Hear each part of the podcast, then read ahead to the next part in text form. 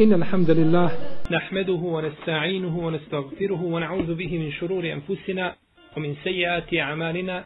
من يهده الله فهو المهتدي ومن يضلل فأولئك هم الخاسرون. وأشهد أن لا إله إلا الله وحده لا شريك له. وأشهد أن محمدا عبده ونبيه ورسوله وصفيه من خلقه وخليله أدى الأمانة وبلغ الرسالة ونصح الأمة وكشف الله تعالى به الغمة. وجاهد في الله حق جهاده حتى يته اليقين. يا أيها الذين آمنوا اتقوا الله حق تقاته ولا تموتن إلا وأنتم مسلمون. يا أيها الناس اتقوا ربكم الذي خلقكم من نفس واحدة وخلق منها زوجها وبث منهما رجالا كثيرا ونساء واتقوا الله الذي تساءلون به والأرحام. إن الله كان عليكم رقيبا. يا أيها الذين آمنوا اتقوا الله وقولوا قولا سديدا. يصلح لكم أعمالكم ويغفر لكم ذنوبكم ومن يطع الله ورسوله فقد فاز فوزا عظيما. أما بعد فإن أصدق الكلام كلام الله عز وجل وخير الهدي هدي محمد صلى الله عليه وسلم وشر الأمور محدثاتها وكل محدثة بدعة وكل بدعة ضلالة وكل ضلالة في النار. أما بعد.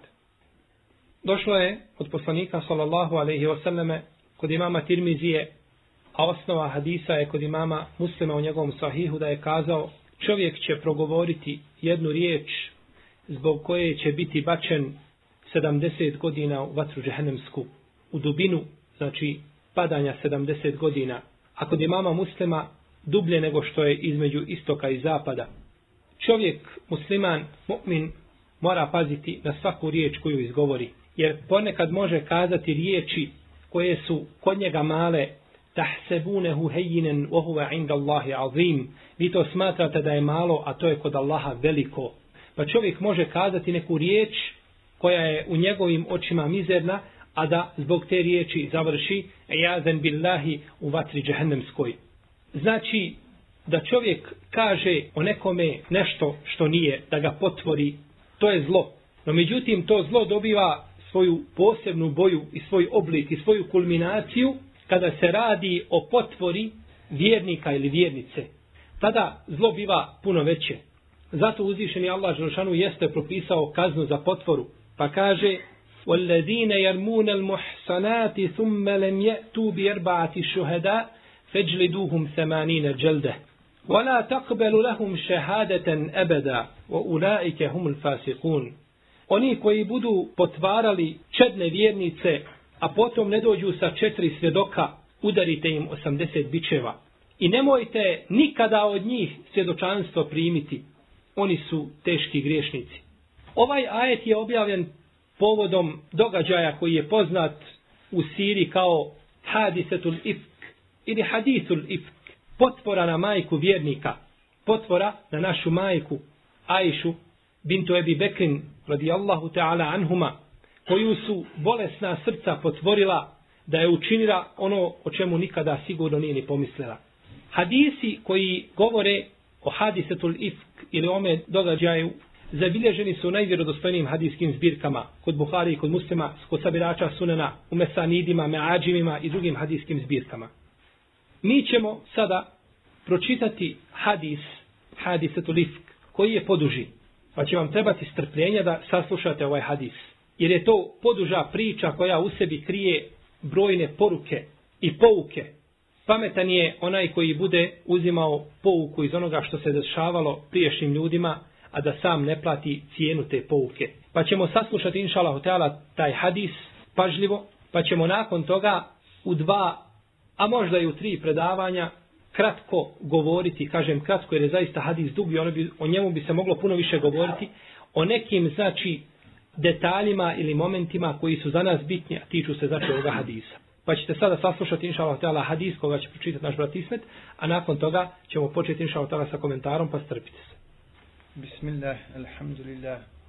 Prenosi se od Aisha radijallahu anha, žene vjerovjesnika sallahu alaihi wa sallam, da je rekla Allahov poslanik sallahu alaihi wa sallam, kada bi htio krenuti na neko putovanje, izlačio bi između svojih žena, pa koja bi bila izvučena, nju bi poslanik sallallahu alejhi ve sellem poveo sa sobom, Tako je u jednom pohodu bilo izvlačenje, pa sam ja bila izvučena i ja sam krenula sa Allahovim poslanikom sallallahu alejhi ve sellem. To je bilo poslije propisivanja hidžaba. Nosili su me u mojoj nosiljci i u njoj sam boravila. Zadržali smo se dok Allahov poslanik sallallahu alejhi ve sellem nije okončao taj pohod i vratio se. Približili smo se Medini. Najavljen je polazak noć. Ja sam tada ustala i otišla iza vojske radi svoje potrebe. Kad sam obavila svoju potrebu, krenula sam prema svojoj jahalici. Međutim, dotakavši prsa, osjetila sam da mi je pukla ogrlica od zafarskih kamenčića. Vratila sam se tražići je.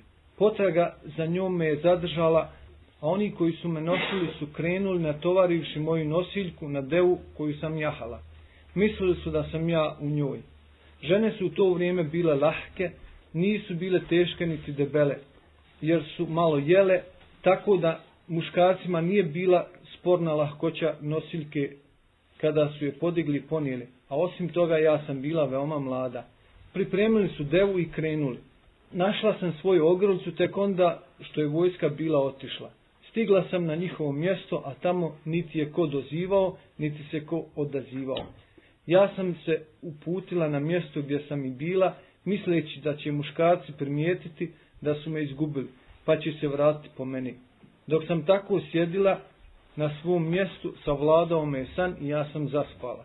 Safan ibn el Muattal es Sulemi es Zekvani zaostao je za vojskom jer je bio zaspao. Kada je krenuo krajem noći, naišao je ujutro pokraj meni. Vidio je siluetu nekoga ko spava, pa je prišao i prepoznao me, jer me je viđao prije nego što sam stavila hijab. Probudile su me njegove riječi, inna lillahi wa inna ilaihi rađiun. Mi smo Allahovi i mi ćemo se njemu vratiti. Izgovarao ih je kada me je prepoznao. Spustila sam veo na lice i tako mi Allaha, niti mi je šta rekao, niti samo od njega čula jednu riječ osim što je ponavljao ove riječi inna lillahi wa inna ilaihi rađiun. Potom je natjerao svoju devu da klekne, pritusnuo je njenu prednju nogu, pa sam uzjahala, a on ju je vodio sve dok nismo stigli vojsku. Stigli smo ih kad su odmarali za vrijeme najveće podnevne žegi. I tada je propao ko je propao radi meni.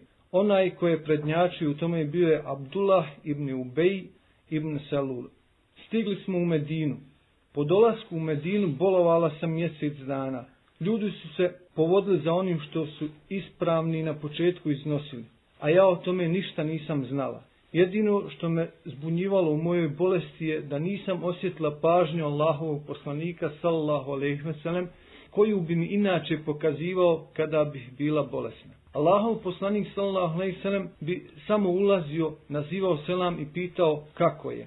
I to me je zbunjivalo. Nisam znala za zlo dok nisam, nakon što sam se malo pridigla, izašla van kući.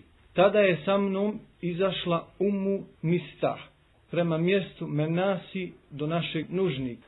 Radi toga bismo izlazili samo od noći do noći. Tako smo činili sve dok nismo napravili zahod blizu naše kući. Arapski običaj bio je da se nužda obavlja vani. Smetalo nam je da pravimo zahode u svojim kućama. Tako sam ja izašla sa Ummu Mista, čerkom Ebu Ruhme ibn El Mutaliba ibn Abdul Menafa. Njena majka bila je čerka Sahr ibn Amira, Ebu Bekrova tetka, a njezin sin je bio Mista ibn Usase ibn Abbad.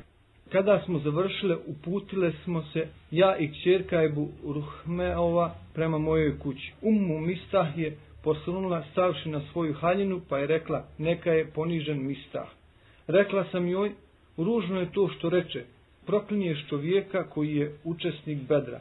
Ona reče, ženo, zar nisi čula šta je rekao? Upitala sam je, šta je rekao? Pa mi reče, ono što su potvoritelji pričali, a ja se još više razbolje. Kada smo se vratili kući, dođe Allahov poslanik sallallahu alejhi ve sellem, a potom reče, kako je? Upitah ga, da li ćeš mi dozvoliti da odim svojim roditeljima? Željela sam da se uvjerim u te glasine direktno od svojih roditelja. Dozvolio mi je da odem pa sam otišla. Upitala sam svoju majku. Majko, šta ljudi pričaju? Rekla je, kćerkice, ne uzimaj to ozbiljno, jer redko je kad tako mi Allaha bila neka lijepa žena kod čovjeka koji je voli, a koja ima inoče, a da nisu protiv nje mnogo govorile. Rekla sam, subhanallah, zar ljudi o tome pričaju?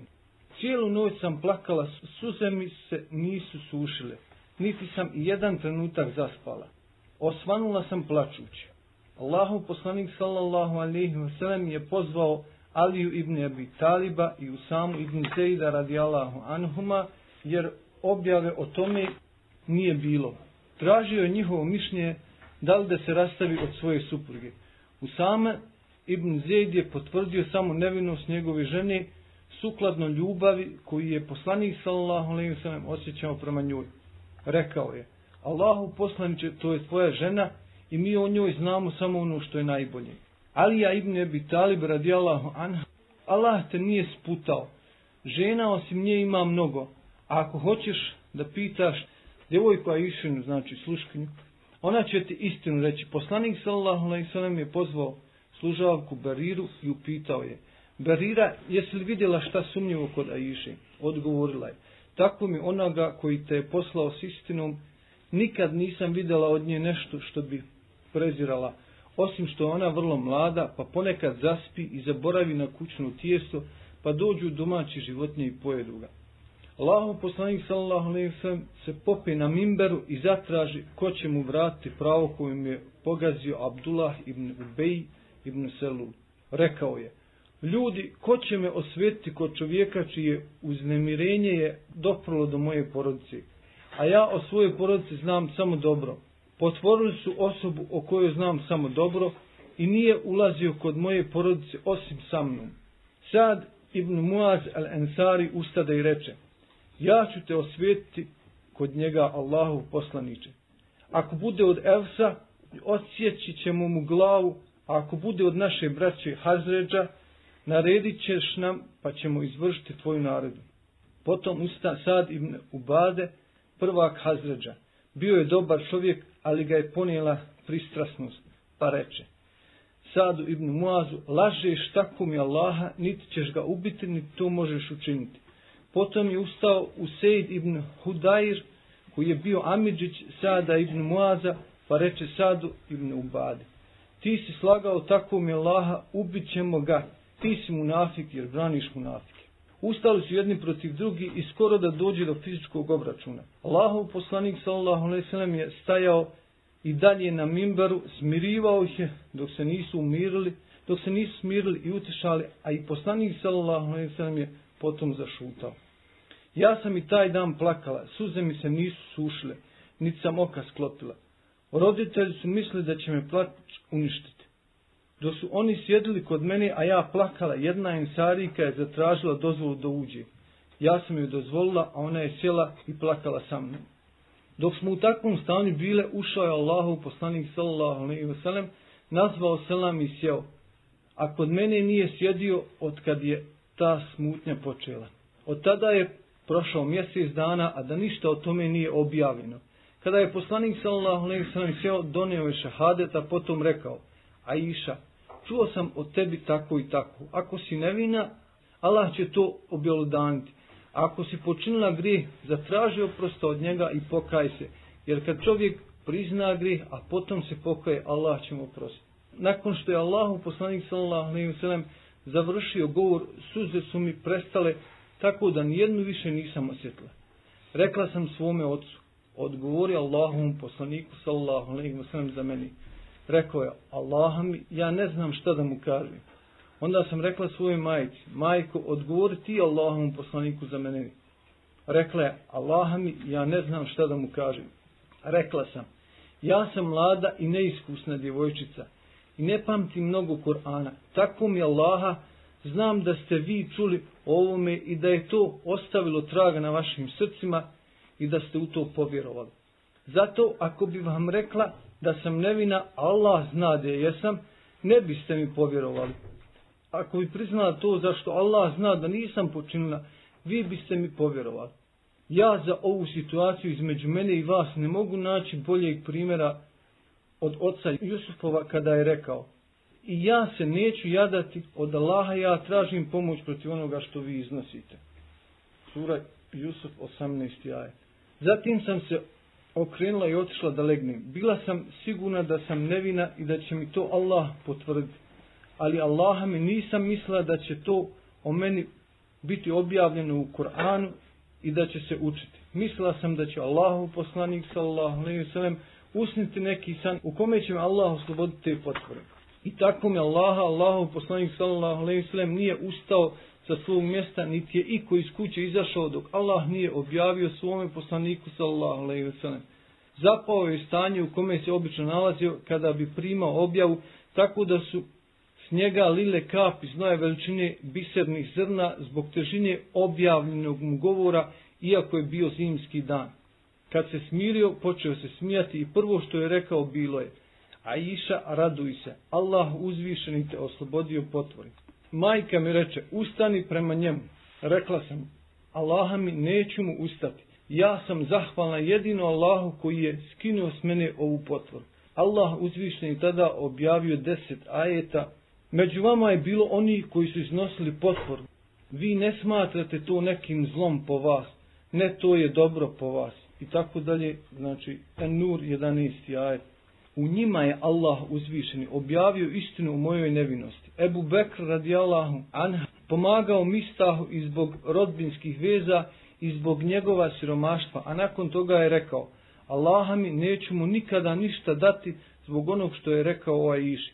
Uzvišeni je tada objavio, neka se čestiti i imućni među vama ne zaklinju, da više neće pomagati rođake pa sve do Zar vama ne bi bilo drago da i vama Allah oprosti, a Allah prašta i milostivije?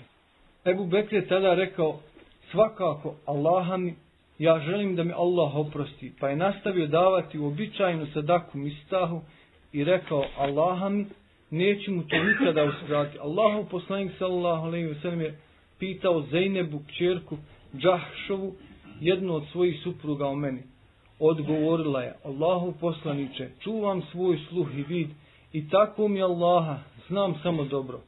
Inače, ona je jedina supruga Allahovog poslanika, sallallahu alaihi wasallam, koja je bila na mome rangu kod njega. Allah ju je sačuvao zbog njene pobožnosti. Međutim, njena sestra Hamna, kćerka Džahšova, je zbog pristrasnosti govorila o potvori, pa je propala zajedno sa onima koji su propali. Bismillah, alhamdulillah. Ovo je bio hadis, najduža verzija i najpotpunija verzija hadisa koji govori o potvori majke vjernika Aisha radijallahu ta'ala anha, čestite kćerke čestitog, koja je potvorena da je učinila ono za što se ne bi potvorile žene koje su najobičnije i najnižeg stepena. U ovome hadisu imamo brojne poruke i brojne pouke. Mi ćemo uz Allahu te barake od pomoć zastati kod onih stvari, propisa ili poruka koji su, koje su za nas bitne. Kaže Aisha radijallahu ta'ala anha u ome hadisu, kada je poslanik sallallahu alaihi ve sallam htio da iziđe na put, bacio bi kocku između svojih žena, pa na koju od njih bi pala kocka, ta bi izišla sa njim na put. Ovdje imamo jedan propis, a to je propis bacanja kocke. I ovaj propis je dozvoljen po mišljenju većine islamskih učenjaka. Bacanja kocke. Znači nije kockanje, već bacanja kocke, a pojasnit ćemo na što se to odnosi. I bacanje kocke je bilo poznato u priješnjim šarijatima, znači u priješnjim verozakonima, kod priješnjih naroda. Uzvišeni Allah te barak i otala kaže Zalike min anba'il gajbi nuhihi ilajk, wama kunte ledejhim iz yulkune aqlamahum ejuhum jekfulu Marijem, wama kunte ledejhim iz jahtesimun. To su stvari gajba koje mi tebi govorimo o Muhammede, a ti nisi bio pored njih kada su oni svoje pera bacali, koji će se od njih pozabaviti i koji će se od njih brinuti o Merijemi. I ti nisi bio kada su se oni raspravljali. Pa su bacali olovke ko će se prihvatiti Merijeme da se brine o njoj. Pa je pripala Zekeri, alaihissalam. I kaže uzvišeni Allah te barake o teala, wa inne junu seleminel murselin, iz ebeqa ila l-fulk il-mešhun. I Yunus je u istinu poslanik. Kada je pobjegao lađi prepunjenoj, fesaheme fekane minel mudhadin, pa je bacao kocku, pa je bio od onih na koga je kocka pala. Fel tekamehu lhutu vohuve mulim, pa ga je riba progutala, a on je prekor zaslužio. فلولا la كان من المسبحين للبس في بطنه إلى batnihi ila. A da nije bio od onih koji su gospodara puno spominjali, on bi ostao u utrobi, znači te ribe ili to kita do sudnjeg dana. Jusuf a.s. je izišao, ostavio svoj narod i krenuo sa prepunom lađom. Pa kad su morski valovi počeli da se igraju sa lađom, trebalo je nekoga izbaciti iz lađe da se spase ostali. Bio je broj, znači, putnika na lađi više nego što je dozvoljeno. Pa su bacali kocku, koga će to baciti na polje? Ko će to završiti u moru, da se ostali spase? Pa su prvi put okrenuli kocku, pa je pala na Junusa, ali Pa su kazali, ne možemo mi izbaciti Junusa, on je poslanik. Pa su drugi put okrenuli kocku, pa je ponovo na Junusa. Pa treći put, pa ponovo na Junusa. Pa su onda kazali, moramo ponovo tražiti, znači, i moramo ponovo bacati kocku. Pa je kazao, ne, već ću ja izići iz lađe. Pa je skinuo svoju odjeću i skočio u more. Kada je skočio u more, progutala ga je riba. Kit veliki, progutao ga. Pa kada je vidio da je ostao živ, učinio je seždu Allahu Đelešanu u utrobi kita. I kazao je, gospodaru moj, seždu sam ti učinio tamo gdje nije niko nikada. Pa mu se uzvišeni Allah odazvao njegovoj poznatoj dovi. Kaže se da je ostao u utrobi kita 3, 7 ili 40 dana sa domišljenjima koji se navode od Selefa. فلولا أنه كان من المسبحين للبس في بطنه إلى يوم يبعثون A da on nije bio od onih koji su puno Allaha slavili i veličali, on bi do sudnjeg dana utrobi te ribe ostao. Iz ovoga ajeta islamski učenjaci uzimaju dokaz da onaj ko puno slavi Allaha Đelšanu i hvali, da će ga uzvišeni Azza ođer spasiti na ovome dunjaluku, nedaća i nevolja kroz koje prolazi. Što se tiče bacanja kocke, ona biva i koristi se kada se pojavi problem. I kada su ljudi zadovoljni s tim i kada sve strane imaju podjednaka prava. Tada se baca kocka. Dok se ne može kocka bacati tamo gdje imaju šarijatom propisana i ustaljena prava nekome. Pa je u Jurusovom, ale i selam šarijatu, bilo dozvoljeno da se izbaci neko iz lađe da bi se sačuvali ostali. Jer to je jeli, žrtvovanje individualne i pojedinačne koristi za javni interes džemata. Pa je to bilo dozvoljeno u šarijatu Junus a.s. Je to dozvoljeno u našem šarijatu? Je dozvoljeno? Da se jedan čovjek izbaci da se spasi drugih 20. Znači, znači, dozvoljeno je da se uništi jedan čovjek da bi se spasili drugi. A ispravno je da to nije dozvoljeno. Ispravno je da to nije dozvoljeno i da se ne može žrtvovati jedan čovjek radi drugih hiljade. U našem šarijetu je to zabranjeno. Poslanik sallallahu alejhi ve selleme kaže el muslimune tetekjafe u dimauhum. Krv muslimana je sva ista. Jednako vrijedna. Ne može biti krv jednog čovjeka manje vrijedna od krvi drugog čovjeka ako je musliman. Krv muslimana je znači jednako vrijedna. Pa nije dozvoljeno da se nečija krv prolije da bi se spasila druga krv. Ili svi žive ili svi umiru. Ne može se znači kazati izbacit ćemo deset ljudi da bi se drugi stotinu spasilo. Ne, nego ostaju svi. Naročito kada znamo da izbacivanjem tih ljudi nije, znači, nama zagarantovan spas ostalih ljudi. Niti je njihovim ostankom garantovan potop. Tako nije dozvoljeno našem šarijatu da se da se žrtvuje manja skupina zbog veće o tome su fakihi opširno i podrobno govorili. Kada bi došao čovjek koji je emir, koji je vladar jednog mjesta ili države i ubio drugog čovjeka, on bi morao biti ubijen zbog njega. Zato što je krv njih dvojice ista. El muslimune te tekeafe udima uhum. Krv muslimana je ista. Pa ne može biti jedna krv vrijednija od druge. Pa je u nekom šarijatu nešto bilo dozvoljeno, a kod nas je u našem šarijatu zabranjeno. Uzvišeni Allah Žešanu kaže Ja'melune lehu ma ješa'u min meharibe o temasil. I oni su Sulejmanu pravili sve što je htio od bogomolja i od kipova. Pa je pravljenje i klesanje kipova u šarijetu Sulejmana a.s. bilo dozvoljeno. A kod nas je klesanje kipova jedan od najvećih griha. I ljudi koji će najžešće biti kažnjavani u vatri džahnemskoj su ljudi koji klešu kipove. I bit će im naređeno da udahnu duše u te kipove. On to nikada neće moći učiniti. Pa je to jedan od najvećih griha i to se smatra od el kebair, od velikih grijeha. Isto tako, gradnja džamija na kaburovima, bila je dozvoljena, kažu u nekim priješnjim šerijatima. Kale ledine galebu ala emrihim na netehidenne alejhim mesčida i kažu oni ugledni iz njihovog naroda, mi ćemo na tim njihovim grobnicama napraviti džamiju. Iako neki kažu, kazali su ugledni i jaki, pa su oni vodili taj narod, da to nije bilo dozvoljeno ni u njihovom šarijetu. U svakom slučaju to je našem šarijetu zabranjeno, jer je poslanik sallallahu alejhi ve sellem na samrtnoj posteli govorio Allah prokleo židove i kršćane, uzeli su bogomolje svojih ili kaburove svojih poslanika za džamije, za bogomolje. Kaže, nemojte to činiti, ja vam to zabranjujem. Pa je znači neka stvar može biti dozvoljena u šarijatu prijašnjih poslanika i da kod nas bude dozvoljena, kao što je, na primjer, bacanje kocke. Bilo je dozvoljeno i došao je naš šarijat pa to potvrdio. Ili post.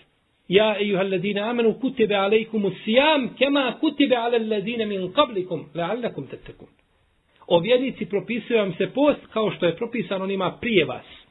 Pa je naš šarijat potvrdio propis koji je bio prije našeg znači šarijata. Pa je znači ostao validan.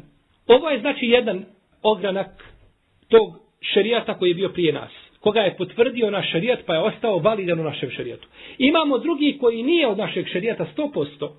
A to je ono što je dokinuo naš šarijat. Kao na primjer riječi Allaha te barake o ta'ala وَيَضَوْ عَنْهُمْ إِسْرَهُمْ وَالْأَغْلَالَ الَّتِي كَانَتَ عَلَيْهِمْ I on će njih osloboditi tereta i teških propisa kojim su bili opterećeni. Pa te propise je dokinuo naš šarijat i oni nisu od našeg šarijata jer smo mi oslobođeni njih, znači, iz milosti Allaha te barake o ta'ala prema nama. I takvi, znači, propisi teški nisu naš šarijat po konsensusu u Ima treći ogranak ili treća skupina tih propisa, a to su propisi koje naš šerijet niti je dokinuo, niti je negirao. A postoji vjerodostojan hadis ili ajet, ako se govori o ajetu, da su nam ti, znači da su ti postupci bilo širijeta prijašnjih naroda. A naš šerijet i nije dokinuo. Vjerodostojnim putem prenesen do nas. E tu postoji razilaženje među islamskim učenicima, da li se znači takvi propisi smatraju od našeg šarijeta ili ne smatraju, većina pravnika smatraju da su ti propisi isto tako naš šarijet. Pa je znači prva stvar o kojoj smo govorili, bacanje kocke legitimna. I to je došlo u brojnim hadisima, tako da oni koji su osudili ili koji su porekli bacanje kocke, u njihovim riječima nema nikakvog ibrade, nikakve pouke, jer se to jasno kosi sa hadisima poslanika sallallahu alejhi kao predaja koju bliže Buharija i Muslim od Ebu Hurajre, da je poslanik sallallahu alejhi ve selleme rekao kada bi ljudi znali šta je u prvom safu i u ezanu ne bi dozvolili jedni drugima osim da samo kocku baci. Dođu dvojica i jedan jedno mjesto u prvom safu. Ovaj viče ome hajti, ovaj viče hajti, nijedan neće prvi saf. A poslanik sallallahu alejhi ve selleme rekao ljudi bi se kockom natjecali, ne bi dozvolio niko da uđe njegov brat u prvi saf osim nakon kocke. Jer niko nije preči za dobro djelo od mene. Isto tako i za ezan. Ali ova kocka vrijedi kad se poistovijete prava.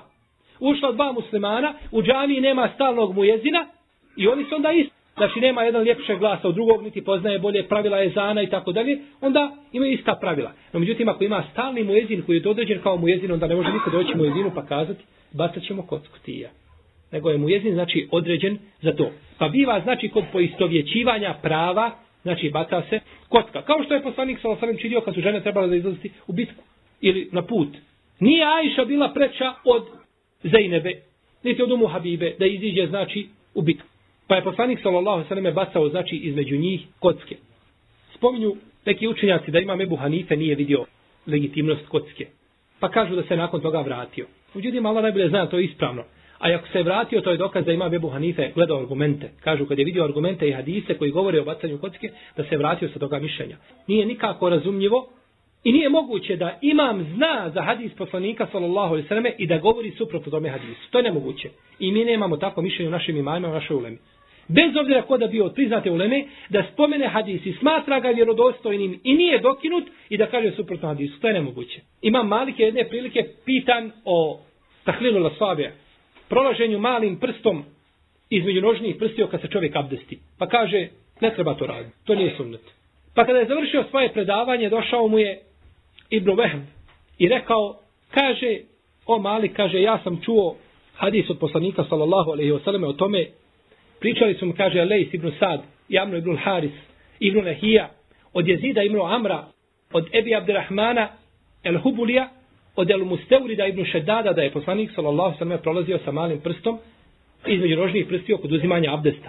Pa ima mali kada je to čuo, kaže to je lijep hadis. A tako mi Allah kaže nikada nisam čuo za taj hadis do ovoga momenta.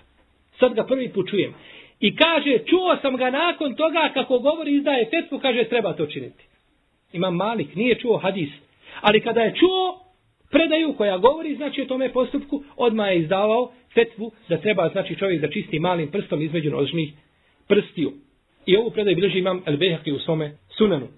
Kaže Aisha radijallahu ta'ala anha ome hadisu, pa je pala kocka ili strelica, kako hoćete, na mene, da iziđem sa poslanikom sallallahu alaihi selleme, a to je bilo nakon propisivanja hijjaba, nakon što je došla naredba o propisivanju hijjaba. Pa su me stavili u heudeđ. Heudeđ je nosiljka u koju žena uđe, koja je obavijena platnom ili trskom, pa se ne vidi znači šta je unutra. Pa imala dupli hijab. Imala je heudeđ i još je bila pokrivena. Tako bi je stavili znači na jahalicu. Pa su izišli u tu bitku ili taj pohod, kaže se ovdje, na put, ali se radilo u stvari o bitci koja se zvala oslobođenje e, Benul Mustalika ili bitka El Muresija ili bitka Benul Mustalika.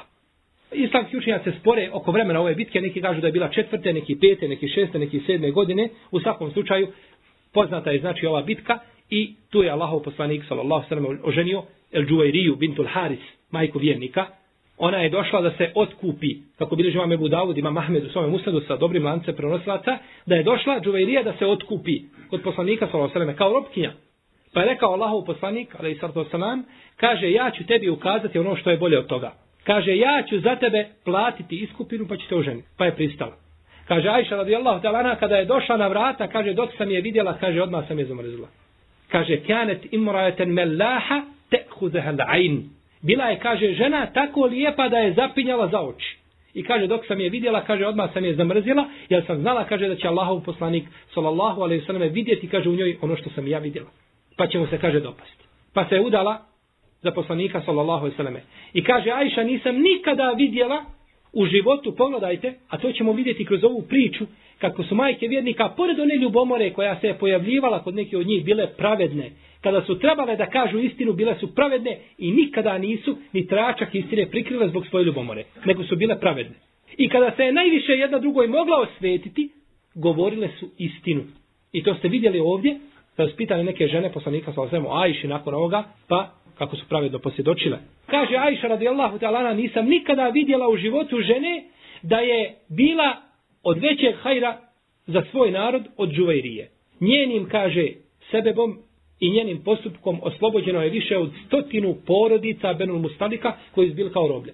Kada su to čuli ashabi poslanika sallallahu alaihi wasallame, kažu Allahov poslanik se oženio od Benul Mustalika. Kaže, to je njegovo tazbinstvo. A nemoguće je, kažu, da tazbinstvo poslanika sa alaihi bude roblje. Pa su sve popustali, sve oslobodili što je bilo u njihovim rukama.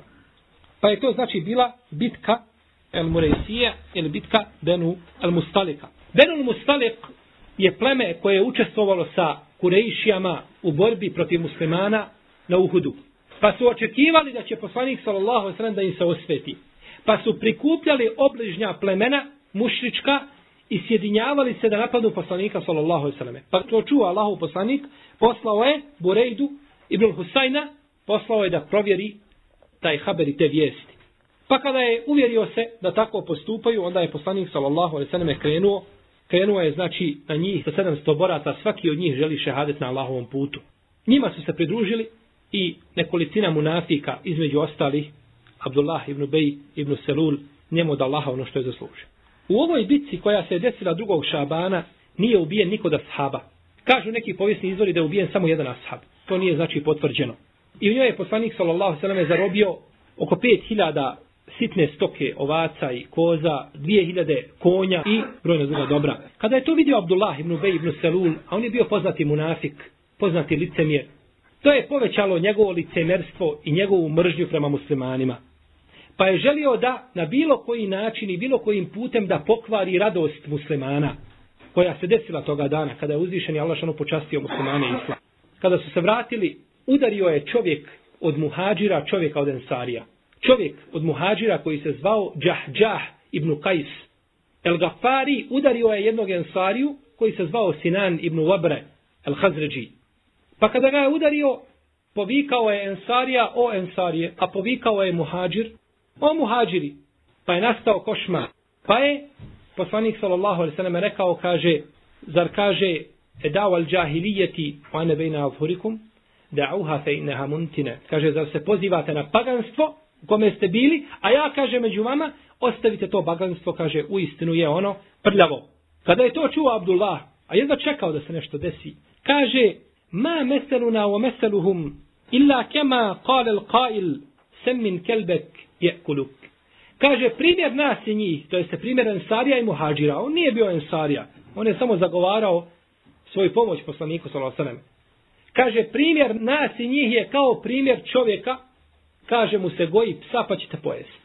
Pa će kazati, mi smo ugostile muhađire, sve im dali, kao braću i prihvatili, nakon toga muhađir udario ensariju. I kazao je, Wallahi la in rajana ila al-Madinati la yukhrijanna la'azzu minha lazab. I sigurno, ako se vratimo u Medinu, oni koji su jaki i ugledni, istjeraće iz Medine one koji su poniženi i koji su potlačeni i koji su nejaki. Je kulune la in rađana ila al medinati la yukhrijanna la azzu min hal azab i oni govore kada se vratimo u Medinu sigurno će jaki i ugledni istirati potlačene i nejake. Pa uzvišeni Allah Žešanu kaže odgovara mu odgovara njima svima da je ponos Allahu Đelešanuhu i poslaniku sallallahu sallam i vjernicima ali to munafici ne znaju ove riječi njegove čuo Zaid ibn Erkam pa je došao poslaniku sallallahu sallam i rekao mu šta je kazao Abdullah Kaže, rekao je kada se vratimo u Medinu, kaže da će jaki istirati potlačeni nejaki. Pa je Allahov poslanik, sallallahu sallam, pozvao Abdullah ibn Bej ibn Salula da to provjeri. I ovdje nam je dokaz kada hoćemo da sudimo o dvojici ljudi, moramo saslušati oba dvojicu bez obzira ko bili. Ne da kažemo ovaj čovjek vjernik i dovoljno je da ja presudim po njegovoj tvrdnji. Ne, ne, ne, ne. Oba dvojica svaki neka iznese svoje argumente. Jer kaže poslanik sallallahu sallame, doći ti čovjek sa izbijenim okom. I kaže, čovjek mi izbio oko i ti odmah presudiš. A dođe ovaj drugi, a njemu oba dva izbijena. Moraš znači saslušati jednog i drugog pa onda presuditi. Allahov poslanik sallallahu alejhi ve selleme zove najvećeg munafika i kaže mu: "Jesi li to kazao?" Kaže: "Nisam laže." Nisam kaže laže. Pa kaže Allahov poslanik sallallahu alejhi ve sellem kaže: "Istinu si kazao, a ulaže utrao Zaida ibn Arkam." Ashaba, zna Allahov poslanik sallallahu alejhi ve da je ashab iskren, ali ashab nema argumenta. A onaj ko zagovara nešto mora doći sa dokazom, a ome je dovoljno da se zakune da nije. Njegova zakletva je dovoljna, a ti moraš doći sa argumentom koji je ga optužio. U protivnom ćeš nastradati. Pa je onda uzvišen je Allah što objavio sur El Munafikon. I pojasnio, znači, i otkrio njihove spletke. Pa je rekao poslanik, sallallahu alejhi o Zeid, Allah je, kaže, potvrdio tvoje riječi. I potvrdio je, kaže, tvoju iskrenost. Ali ne može Allahov poslanik da potvrdi ništa dok ne dođe objava. I to ćemo vidjeti u ovoj priči koja se desila, da Allahov poslanik, sallallahu alaihi wasallame, nije mogao da potvrdi nevinost i čistoću Ajše od onoga što je pripisuju. Dok nije došla objava. Ništa nije mogao. Nego saziva sahabe i traži od njih šta? Traži savjet od njih. Da mu kažu šta da učini. Da mu pomognu. Ali nije kazao, ne, ne, pa to je Ajša, to je moja žena, ona je kćerka Ebu Bekra, nemoguće da ona tako nešto učini i tako dalje. Pogledajmo kakva je znači pravednost, kakva je pravednost ove vjere. Abdullah ibn Ubej ibn Salul ima sina koji se zove Abdullah, kome je Allahov poslanik nadio ime Abdullah. Pa je on Abdullah ibn Abdullah ibn Ubej ibn Salul. Abdullah prvi, babo, najveći munafik, koji je uzbur kao svu ovu situaciju koja se desila u ovoj priči, a njegov sin Abdullah, časni ashab, časni ashab, pa je kazao, koji je bitci bio na bedru, kada je čuo kako njegov babo dira u čast majke vjernika i sukao je svoju sablju i došao mu i kaže, digao svoju sablju i kaže, vallah je neću vratiti u korice dok ne kažeš da si ti ponižen, a da je Allahov poslanik, sallallahu alaihi wasallame, taj koji je jak i koji je velik. Ako ne kažeš tako, kaže, vidjet ćeš šta se desiti. Pa nije htio izgovoriti. Pa je sin još jedan put digao sablju još više. Pa kaže pričaj. Kaže šta hoćeš? Kaže pričaj ili ćeš vidjeti. Pa je kazao ono što je sin želio. Kazao je, ja sam, kaže, ponižen, a Allahu poslanik nije takav. Pa je uzvišen je Allah šanu obistinio njegove riječi i istjerao ga je iz Medine i to na nosilima, odmah kada su se vratili muslimani nakon te bitke, nakon kakvog vremena, kako spominje imam El Kurtobi. Pa je umro i otišao je kao munafik sa ovoga svijeta njemu od Allaha ono što je zaslužio. Zaštita poslanika sallallahu alejhi ve selleme je čast svakom muslimanu. Da zaštiti čast svoga poslanika sallallahu alejhi ve selleme jer ako ga neće musliman zaštititi ko će zaštititi njegovu čast? I tu rodbinske veze nemaju nikakve uloge. Abdurrahman ibn Abi Bekr sin Abu Bekra kaže ja sam kaže babo kaže dok smo bili na bitci na Bedru kaže ja sam bježao od tebe da te kaže ne bi vidio, pa kaže možda neki je zije da te snađe od mene, bježao sam da te ne vidim. A kaže mogu Bekr, Boga mi kaže ja sam tebe tražio. Ne bi te vidio. I kaže da sam te vidio, vidio bi šta bi se desilo. Ti si bio tada mušrik i ti si bio tada nevjernik. I da si mi došao pod ruku, svašta bi se desilo. Nema veze što si mi sina. Kaže ja sam babo bježao. Jer on je primio islam prilično relativno kasno pred oslobođenje Mekke. Pred samo oslobođenje Mekke primio je Abdurrahman radijallahu ta'ala anhu islam. A međutim, vidimo da to znači nije spriječilo Ebu Bekra da brani čast poslanika sa osanevi čast Islama. Pored onih koji su pričali sa Abdullahom ibn Ubejom ibn Selulom, ljudi koji ponekad potpuno pod utjecaj šeitanskih vesvesa bili su Hasan ibn Sabit i Mistah ibn Usase i Hamna bintu Đahš, kćerka Zainebe bintu Đahš, odnosno sestra, sestra Zainebe bintu Đahš i Abdullah ibn Ubej ibn Selul. Ove četiri osobe. Pa je Allahov poslanik sallallahu alaihi wasallame bičevao Hamnu, kaznio ih bičevima i Ibn Ubeja i također Hasana, a što se tiče Nistaha, nije potvrđeno u vjerodostanim predajama da je on bio kažen zbog, zbog riječi koje je govorio. Kažu neki čak da nije bilo, da nema 100% potvrde da je on i potvarao i kako Ajšu. Ali iz ove predaje vidimo kada je umu Mistah, njegova majka, kada ga je proklela, teško se Mistahu šta je učinio, kada je htjela Ajši da kaže šta se dešava, vidimo iz toga da dok je njegova majka potvrdila i njega ukorila, znači da je sigurno nešto se desilo. No međutim, vjerovatno da je bičevanje izbjegnuto zbog toga što nije bilo jasnog znači argumenta ili dokaza, znači da je i on bio jedan od učesnika u tome. Kaže Ajša radijallahu ta'ala anha, pa sam izišla, kada smo došli, kaže, na jedno mjesto i odcijeli sa karavanom, kaže, ja sam otišla da obavim prirodnu potrebu. Izdvojila sam se, znači, daleko da obavim prirodnu fiziološku potrebu. Pa kaže, kada sam se vratila, osjetila sam da nema moga lančića. Ogrlica zlatna koju imala, pukla je i onda su onaj nakit je popadao sa ogrlice i kaže vidjela sam da nema te ogrlice. A ogrlica nije bila njena, nego je pozajmila ogrlicu. Pozajmila je ogrlicu kao nakit. Pa se je vratila Ajša da traži tu ogrlicu. Ovo nam ukazuje koliko je Ajša bila neiskusna u životu. To je bila noć kada se ona vratila. Nije trebala se vraćati ona sama, nego je trebala da pošalje nekoga da, da to traži. Trebala je znači, da pošalje nekoga da to traži. Kao što je učinila jedne prilike, kako bili živan Buhari u svome sahihu, kada su ashabi boravili na jednom mjestu odcijeli, pa im ponestalo vode, pa su htjeli krenuti prije sabaha da nađu vodu negdje, da se mogu abdestiti. Pa je Aisha radijallahu ta'ala anha izgubila lančić. I tu izgubila lančić. Pa je naredio poslanik sa osam skupine ashaba da traže to, dok nisu našli. Pa je došao Ebu Bekr Allahov poslanik je spustio svoju glavu na Ajšino stegno, da malo ospava. Pa je udario jako, kaže, tako mi je Laha, kaže, da nije Allahov poslanik, kaže, bio na mome, kaže, stegnu, kaže, ne bih izdržala. No, međutim, kaže, nisam se htjela ni pomjeriti, kaže, radi Allahov poslanika, sallallahu sallam. Pa je rekao, kaže, zar te nije, kaže, sramota. Zaustavila se, kaže, cijelu karavanu i nemaju ljudi vode da se abdese zbog svoga lančića koga si imala. Šta si uradila? Pa je uzvišeni Allah šanu objavio ajet tejemuma. Samo uzvišeni zna u čemu je hikmet i u čemu je mudrost. Allah je dao da se desi taj događaj da bi nama došao, ajet tejemuma, da bi nam došla olakšica u islamu. Pa svaka stvar koja se dešava, to je sa odredbom našeg gospodara Tebara Kjevotela i sigurno ta odredba ima svoj cilj. Ima svoj cilj i ima svoju, znači, korist za muslimane. I ono što uzvišeni Allah što odredi čovjeku, to je sigurno za njega hajdi, to je za njega dobro. Neki sam dan čuo za predaju da je čovjek imao nekoga od rodbine koga je trebao naslijediti, a nije bio u dobrim odnosima sa njim, pa mu nije htio ništa ostaviti od te nasljedine. Pa je uzeo jedan čup i sve zlata što ima u čup, zatvorio ga s jedne strane i s druge strane i kaže jednom trgovcu koji je pošao na more, kaže kada dođeš na more, na to i to mjesto baci ovaj čup, baci ga kaže u vodu. Ova odredba je za onoga koji treba naslijediti kobna. Ništa neće dobiti. Sve je ošlo zlato, a ovaj vidi smrt došla, došao melek smrti već kuca na vrata, vidi čovjek da nema, svako osjeti i svako zna. Pa je rekao, kaže, baci ovo u more, kaže, na tom i tom mjestu. Pa je ovaj čovjek otišao i prođe to mjesto i zaboravi, trgovac bio. Kad je došao tamo na to mjesto, kaže, subhano, kaže, ja to zaboravim baciti u more. Kaže, kad sam vidi zaboravio, kaže, to otvorim, ništa je. Kaže, kad sam otvorio, kaže, sve zlato. Kaže, pa sam uzeo za to zlato i kupio robe što sam mogao potjerati jeftine iz tog mjesta, da poredem toga čovjeku, vjerojatno on nije znao, kaže, da tom čupu zlato. On je mislio, ko zna šta je tu, pa je htio da to baci. Da se riješi to, da se kotariše toga. Pa sam, kaže, potjerao, kaže, sve to zlato, kaže, potjerao svu tu robu, kaže, nazad njegovoj kući. Kaže, kad sam došao u to selo, kaže, već on je umro, kaže, već ga sahranili. Pa je došao, kaže, taj njegov nasljednik, kaže, pa sam mu dao tu svu robu, pa je prodao tu robu, pa se je povećao njegov imetak, udvostručio se više nego što je bio. Allahova odredba, robu biva hajdi, biva dobro za njega, šta god da se desilo.